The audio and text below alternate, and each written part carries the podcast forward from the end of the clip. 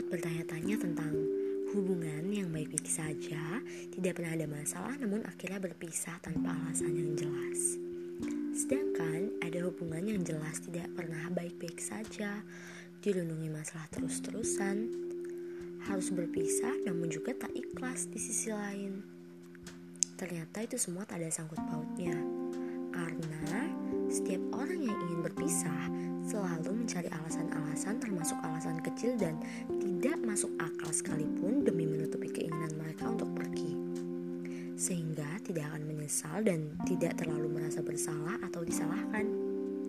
Dengan kata lain, kalau pada dasarnya kita memang ingin pergi, kita akan mencari seribu alasan tak masuk akal untuk pergi dan menggunakan alasan sesepele itu untuk meninggalkan. Namun, jika seseorang itu ingin bertahan pada keadaan yang berat sekalipun, walau dengan alasan yang paling tidak masuk akal, ia tak akan pernah pergi. Meski ia punya beribu alasan yang lain, yang lebih masuk akal untuk pergi, ia tak menggunakan alasannya itu karena keinginannya untuk menetap jauh lebih tinggi. Tapi mengapa manusia selalu mencari-cari celah kesalahan pasangannya untuk pergi? Sedangkan di sisi lain justru ia yang bermasalah.